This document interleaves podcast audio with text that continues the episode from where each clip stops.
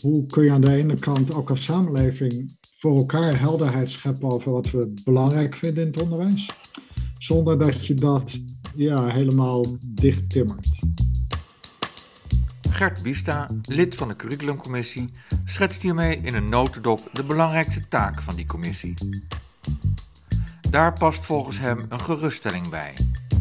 Het meeste wat in het onderwijs gebeurt, komt voort uit goede bedoelingen. Dus dat is eigenlijk mijn basisaanname. Ik ben nog nooit iemand tegengekomen die zegt, nou wil ik het onderwijs eens een stuk slechter maken. Maar er is ook plek voor een kanttekening. Ja, ik, ik hou daar nog wel een soort uh, slag om de arm, of, of een kanttekening, misschien is dat een beter woord. Dat niet alle problemen hè, in de maatschappij opgelost kunnen worden ja, binnen het onderwijs. En als je dan binnen het onderwijs kijkt, niet alle onderwijsproblemen opgelost kunnen worden met het curriculum.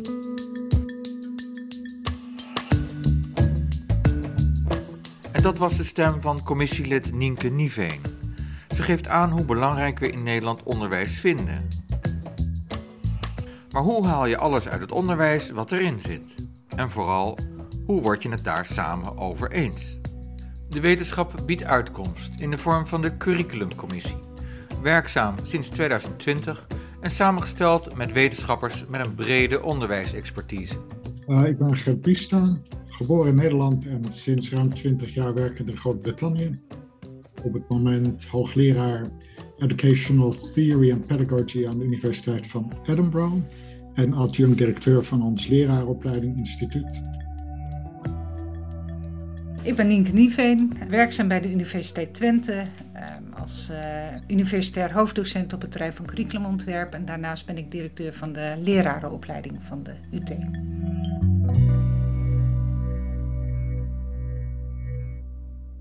Deze podcast gaat over het curriculumbouwwerk zelf. Waar is dat op gefundeerd? Waar dient het gebouw voor? En hoe wil je het gebruiken? Gert Pista trapt af. Wat is een curriculum? Mijn definitie van curriculum is een uh, Engelse. Curriculum is een, course of study. Dus curriculum is in feite hoe je een onderwijsproces in elkaar zet in de loop der tijd. Um, dus curriculum valt niet samen met onderwijsinhoud, maar met um, inhouden, activiteiten van je leerlingen, planning um, over de tijd. En je kunt ook zeggen uit die definitie, curriculum is een middel om dat wat je met het onderwijs beoogt te bereiken. Maar je moet dus een idee hebben van, ja, waar, waartoe onderwijs? En dan komt de vraag op tafel van curriculum, van hoe organiseer je dat dan? En ook welke inhouden wil je daarbij aan bod laten komen? Als het curriculum het middel is, wat zijn dan de doelen? Ja, er is een idee wat op veel plekken in Nederland is geland. Dat onderwijs altijd uh, drie zaken te verzorgen heeft. Het, uh, het, het kwalificeren van leerlingen, dus toerusten dat ze kundig en vaardig worden. Het socialiseren, ik zou zeggen, oriëntatie bieden in, in de wereld en de waarden en normen die daar belangrijk zijn en daar je plek in vinden. En dan doet onderwijs altijd iets met de persoon van de leerling. En daar zou je kunnen zeggen, ja, we hopen dat leerlingen volwassen in de wereld willen staan en ook daar is werk te doen. Dat zijn niet heel concrete onderwijsdoelen, maar je zou dat drie doeldomeinen kunnen noemen. Um, en dat is een manier om te kijken naar het waartoe van het onderwijs, waar je dat breed neerzet. En dat is anders dan dat je zegt, ja, onderwijs is kennisoverdracht en het enige waar het om gaat is dat je die kennis aanbiedt en dan checkt of je leerlingen het verworven hebben. Dat is een veel beperkter idee van waar het in het onderwijs om zou moeten gaan.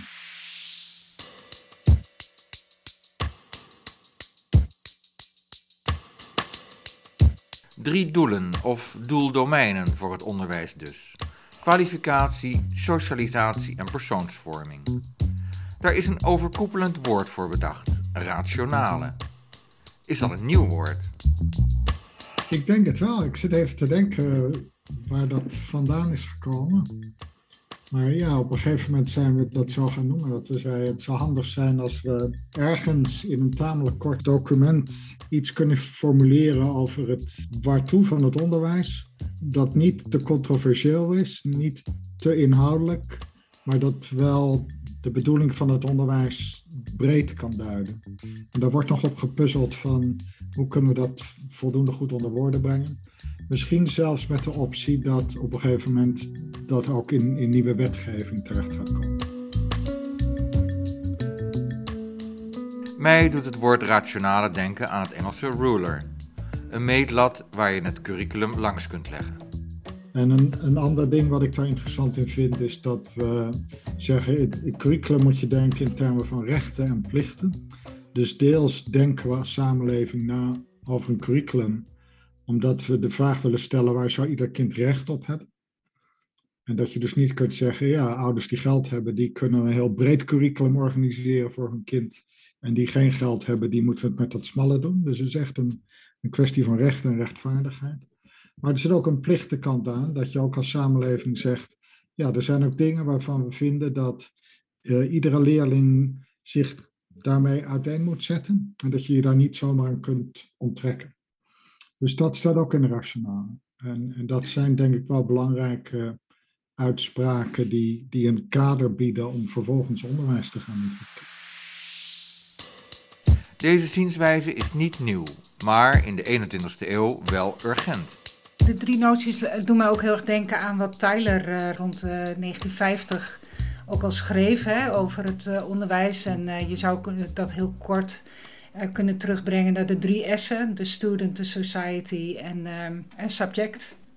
En dat eigenlijk hoe complexer de samenleving is, ja, hoe meer je ook genoodzaakt bent om die ja, die belangen vanuit die verschillende perspectieven ook goed te bezien. En dus ik denk, het is niet exact hetzelfde als de drie doeldomeinen, maar het heeft er wel heel veel raakvlakken mee. Is een docent hier bewust mee bezig? Nou, ik denk dat op het moment dat je onderwijs aan het verzorgen bent, uh, ja, dan ben je eigenlijk vooral bezig om natuurlijk met de leerlingen de goede dingen te doen. Maar zeker als je wat hè, aan het voorbereiden bent, als je aan het nadenken bent met elkaar ook als team van wat, wat voor onderwijs willen wij eigenlijk verzorgen. En natuurlijk ook de les van morgen als je die aan het voorbereiden bent. Dan komen dat soort vraagstukken natuurlijk wel langs. En um, in toenemende mate merk je ook wel in, in Nederland dat er een, een roep is om. ja, het onderwijs is toch meer dan ja, alleen die kwalificerende functie. Hè. De, de, het onderwijs vraagt om, om, om een breder aanbod. Wat denkt Gert Bista hiervan? Ja, dat denk ik ook. Eh, ergens op een intuïtief niveau. Kijk, één ding wat leraren weten is dat ze van hun leerlingen af willen op een gegeven moment. Um, ze willen niet achtervolgd worden door die leerlingen hun leven lang. Dus we weten dat we allemaal uit zijn op de zelfstandigheid van de leerling. Ze moeten het zelf kunnen doen. Daar werken we aan, expliciet, impliciet. Uh, en we weten ook dat het ergens om gaat. Dus een, een school is er niet om uh, gezellig tijd met elkaar door te brengen ja, er, er, zijn serieuze dingen. En we moeten ook goed weten of, of leerlingen dat uh, ja, in hun vingers krijgen, of in hun hoofd of in hun hart. En we willen ook uh, tijd nemen om leerlingen voor te bereiden op die wereld waar ze in gaan stappen. De beroepswereld en, en de complexe wereld. Dus als je het zo aan de woorden brengt, dan snapt iedere leraar dat. En dan naar de inhoud. Wie gaat erover? het is ook de vraag hè, van wie is het onderwijs? Waar liggen de verantwoordelijkheden voor, uh, ja, voor dit soort keuzes? Als de overheid zeg maar, kan beslissen wat er allemaal precies, hè, heel, op detailniveau, wat er geleerd moet worden, ja, dan is er inderdaad op, op uitvoeringsniveau, zeg maar, hè, valt er weinig keuze meer te maken. In Nederland is er in ieder geval heel duidelijk voor gekozen om op, op globaal niveau, op, natuurlijk op landelijk niveau wel uitspraken te doen. Maar dat juist de verantwoordelijkheid veel dichter bij de leerlingen wordt gelegd. En bij de docenten en bij de teams en bij ouders. Van hoe je die onderwijsinhouden en, en, en vaardigheden die erbij horen en de doelen die daarbij horen, hoe je die handen en voeten gaat geven. Um, en, en ook de details die daarbij komen. Ja, het is even de vraag of je dat allemaal op landelijk niveau zou willen vastleggen. Dan hebben we het over kerndoelen en eindtermen. Kerndoelen, dat eh, zijn eh, doelen voor het basisonderwijs. En je hebt kerndoelen voor het, de onderbouw van het voortgezet onderwijs. En dat zijn eigenlijk, in, ja, als je een beetje van een afstandje naar kijkt, zijn dat eigenlijk een soort inspanningsverplichtingen. Dat zijn uh, aanbodsdoelen. dus een beetje in de zin van, uh, zoals Gert dat net zei, van wat zou je eigenlijk wensen dat er in ieder geval aan de orde komt in het, in het onderwijs en zijn daarmee ook redelijk globaal geformuleerd. In, in Nederland zijn er 58 voor de onderbouw van het voortgezet onderwijs geformuleerd voor alle vak- en, en leergebieden en ook 58 voor, de, voor het basisonderwijs per vak is het een setje van nou, ergens tussen de 5 en 10 uh, uh, kerndoelen. Als kerndoelen inspanningsverplichtingen zijn, dan zijn één termen. Beheersingsdoelen. Dat zijn doelen die, die je aan het eind van de bovenbouw van het voortgezet onderwijs zou moeten beheersen. En daarmee zijn ze vaak veel concreter geformuleerd, omdat, je, ja, omdat er vaak ook een niveauaanduiding aan uh, gekoppeld zit we hebben in Nederland eigenlijk verschillende sets voor de onderbouw van het voortgezet onderwijs, de bovenbouw en voor het uh, primair onderwijs. En die zijn ook allemaal een beetje los van elkaar ontstaan. Dus het is niet in één keer op één moment zeg maar, allemaal geschreven. Maar er is op een gegeven moment een herziening geweest uh, in de kerndoelen van het uh, basisonderwijs. Er zijn op een gegeven moment ook heel erg teruggebracht in het aantal. Er waren ooit gedachten om daar 400, 500 kerndoelen te formuleren. Nou, dat werd toen al vrij snel gezegd, dat wordt misschien wat te, te, gedetailleerd. Dus toen is het in eerste instantie teruggebracht naar, ik meen, 120 kerndoelen. En dat is later nog eens een keer teruggebracht naar, uh, naar deze 58 kerndoelen. Het voordeel is natuurlijk dat ze redelijk globaal geformuleerd zijn. Um, en tegelijkertijd zijn ze daarmee soms ook te weinig richtinggevend. Want je hoopt natuurlijk met doelen hè, op over of op landelijk niveau om doelen te formuleren die een beetje ja, houvast ook bieden voor, ja, voor docenten, voor leerkrachten, ook andere partijen die in het onderwijs zitten, hè, de, de uitgevers, toetsontwikkelaars, ondersteuners. Ja, dat je een beetje een gezicht hebt van waar gaat het naartoe met het onderwijs. En dat staat eigenlijk op gespannen voet met hoeveel ruimte geven we het leraren, leerkrachten, uh, al die andere partners. Dat is dus een balanceeract. Genoeg richting geven in combinatie met genoeg ruimte bieden voor eigen invulling. Hoe gaat dat in het buitenland, zoals in Frankrijk? Daar wordt het onderwijs veel meer van bovenaf verordoneerd. Uh, dat is een hele andere onderwijscultuur en andere structuur. Nederland is, is in die zin heel bijzonder met de vrijheid van onderwijs, die toch veel eigenlijk op het niveau van het onderwijsveld zelf uh, daar, ruimte wil bieden. Maar Nederland heeft ook een, uh, ja, een, een, hoe zeg je dat, plurale politieke cultuur. Dus altijd coalitieregeringen die allemaal iets willen bijdragen. Als ik het vergelijk met Groot-Brittannië, waar ik werk, daar hebben ze geen coalitieregeringen. En dan krijg je altijd het uh, ja, winner takes it all uh, gedrag. Van we gaan het nu grondig anders doen. Dus ja, vooral in Engeland zie je dat de, de regering echt heel hard ingrijpt in het onderwijs vanuit hun bepaalde ideologie. Gert Bista weet ook een positief feit te melden over het onderwijs in Engeland. Er is veel wat mis is in het Engelse onderwijs, maar wat wel mooi is, is dat ze daar een, uh, ja, eigenlijk een idee van de, van de middenschool hebben. Een curriculum dat tot de leeftijd van 16 eigenlijk alle leerlingen, ongeacht hun uh, voorkeuren en talenten en mogelijkheden, zoveel mogelijk bij elkaar probeert te houden. En ik moet zeggen dat toen onze kinderen hier naar de middelbare school gingen, ze niet alleen dus hele andere vakken kregen dan in Nederland. Dus niet alleen de, wat is het, de academische vakken, maar ook uh, koken en noem maar op.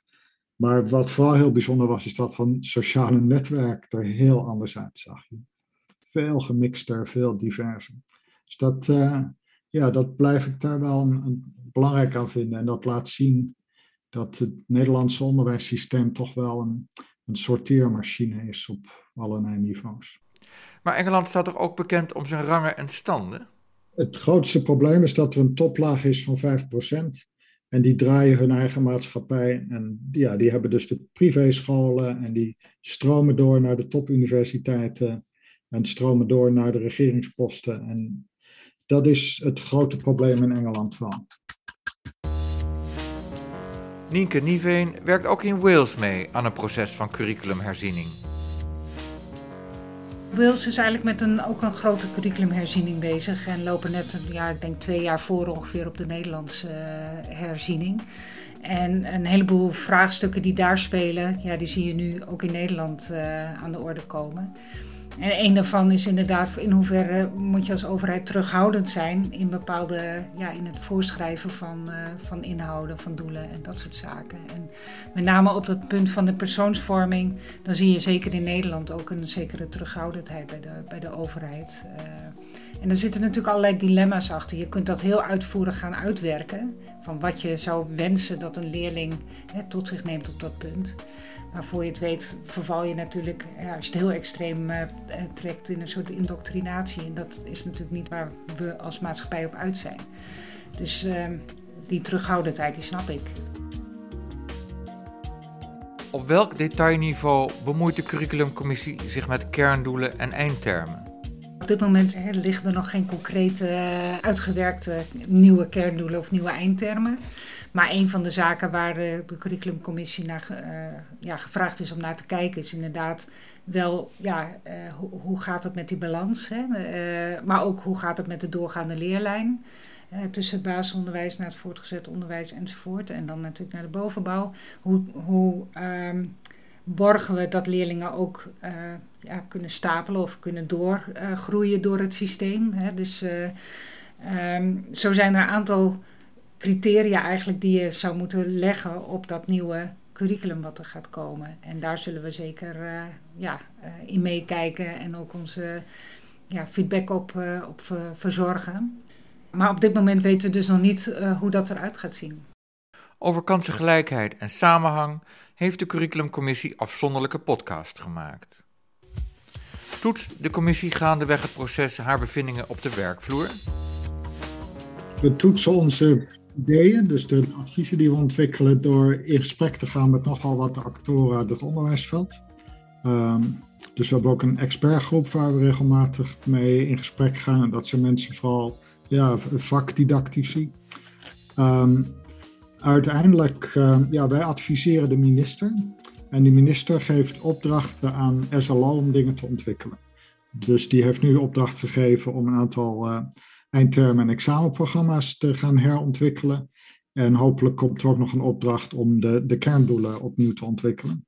Uh, vervolgens komt dat weer terug bij ons en, en komt er een vraag bij ons van, uh, ja, commissie, kijk eens goed naar wat hier ontwikkeld is. En dan moeten we dat natuurlijk ook weer in dialoog met het onderwijsveld doen, dat het niet alleen onze eigen toets is.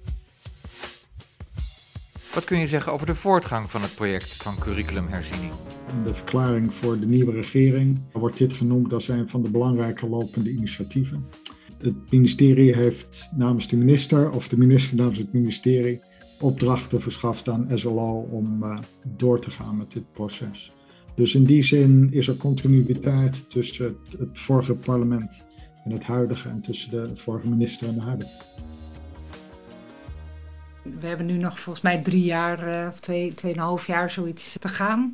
En ik denk dat het voor een deel ook wel een beetje samenhangt met het, uh, het proces hoe dat nu verder gaat. Hè. Aanvankelijk was het de gedachte dus om een integrale herziening, dat alles in één keer uh, herzien zou worden. Nu is dat dus voor gekozen om dat wat meer stapsgewijs uh, te gaan doen. Of dat invloed heeft op, het, op de duur van het proces, dat, dat valt nog te bezien natuurlijk. Maar het eerstvolgende advies waar we nu ons op dit moment over buigen, dat gaat eigenlijk over die, dat herijkingsproces. Dus eigenlijk het hele proces van hè, wat, wat we nu eigenlijk um, nou ja, sinds 2014 uh, aan het doen zijn. Dat zou je in een volgende ronde, zou je daar misschien wat, wat vlotter of in geval wat duidelijker, wat transparanter uh, stappen in, in willen zetten. En uh, nou ja, ons is gevraagd om daarover te adviseren hoe zo'n herijkingsproces herzieningsproces eruit zou moeten zien in de toekomst. En welke verantwoordelijkheden waar liggen en dat soort zaken. De Onderwijsraad heeft destijds ge geadviseerd om een uh, permanent college, werd het toen genoemd, uh, uh, in het leven te roepen die dit soort werk zou moeten gaan doen, ook in de toekomst. Maar goed, dat is natuurlijk nog, dat ligt in de toekomst, hoe dat, hoe dat eruit gaat zien. Want er zijn ook gedachten om het fundament te leggen voor een stelselmatige herziening van het curriculum. Ik denk, gezien de recente geschiedenis, dat Nederland er goed aan zou doen om een permanente curriculumcommissie te hebben. zodat de, de aandacht voor de, de grote vragen rondom curriculum, dat die voldoende verzorgd is. Hoe je dat precies aan elkaar steekt, daar zijn we nu op aan het puzzelen. Er zijn heel veel actoren betrokken bij curriculumontwikkeling. En je ziet ook dat de maatschappij daar ook vaak aan rammelt en aan duwt van doet de school nog wel wat nodig is voor de 21ste eeuw of, of noem maar op. En dan zie je vaak wat uh, ja, reflexen van of je ziet modes binnenkomen, uh, 21 e eeuwse vaardigheden, powerful knowledge, noem maar op. Voor, voor mij zijn het allemaal modes. Als je het over een periode van 10 jaar ziet, zien dat al opkomen en weer gaan. En dan, dan is het belangrijk dat je een commissie hebt, of in ieder geval een, een proces waar mensen op enige afstand en met besef van de wat langere termijn ja, kunnen begeleiden, advies kunnen geven, in de gaten kunnen houden. Dus ik denk dat dat wel een, een goed idee is. Van dat curriculum A een complex vraagstuk is met zoveel actoren.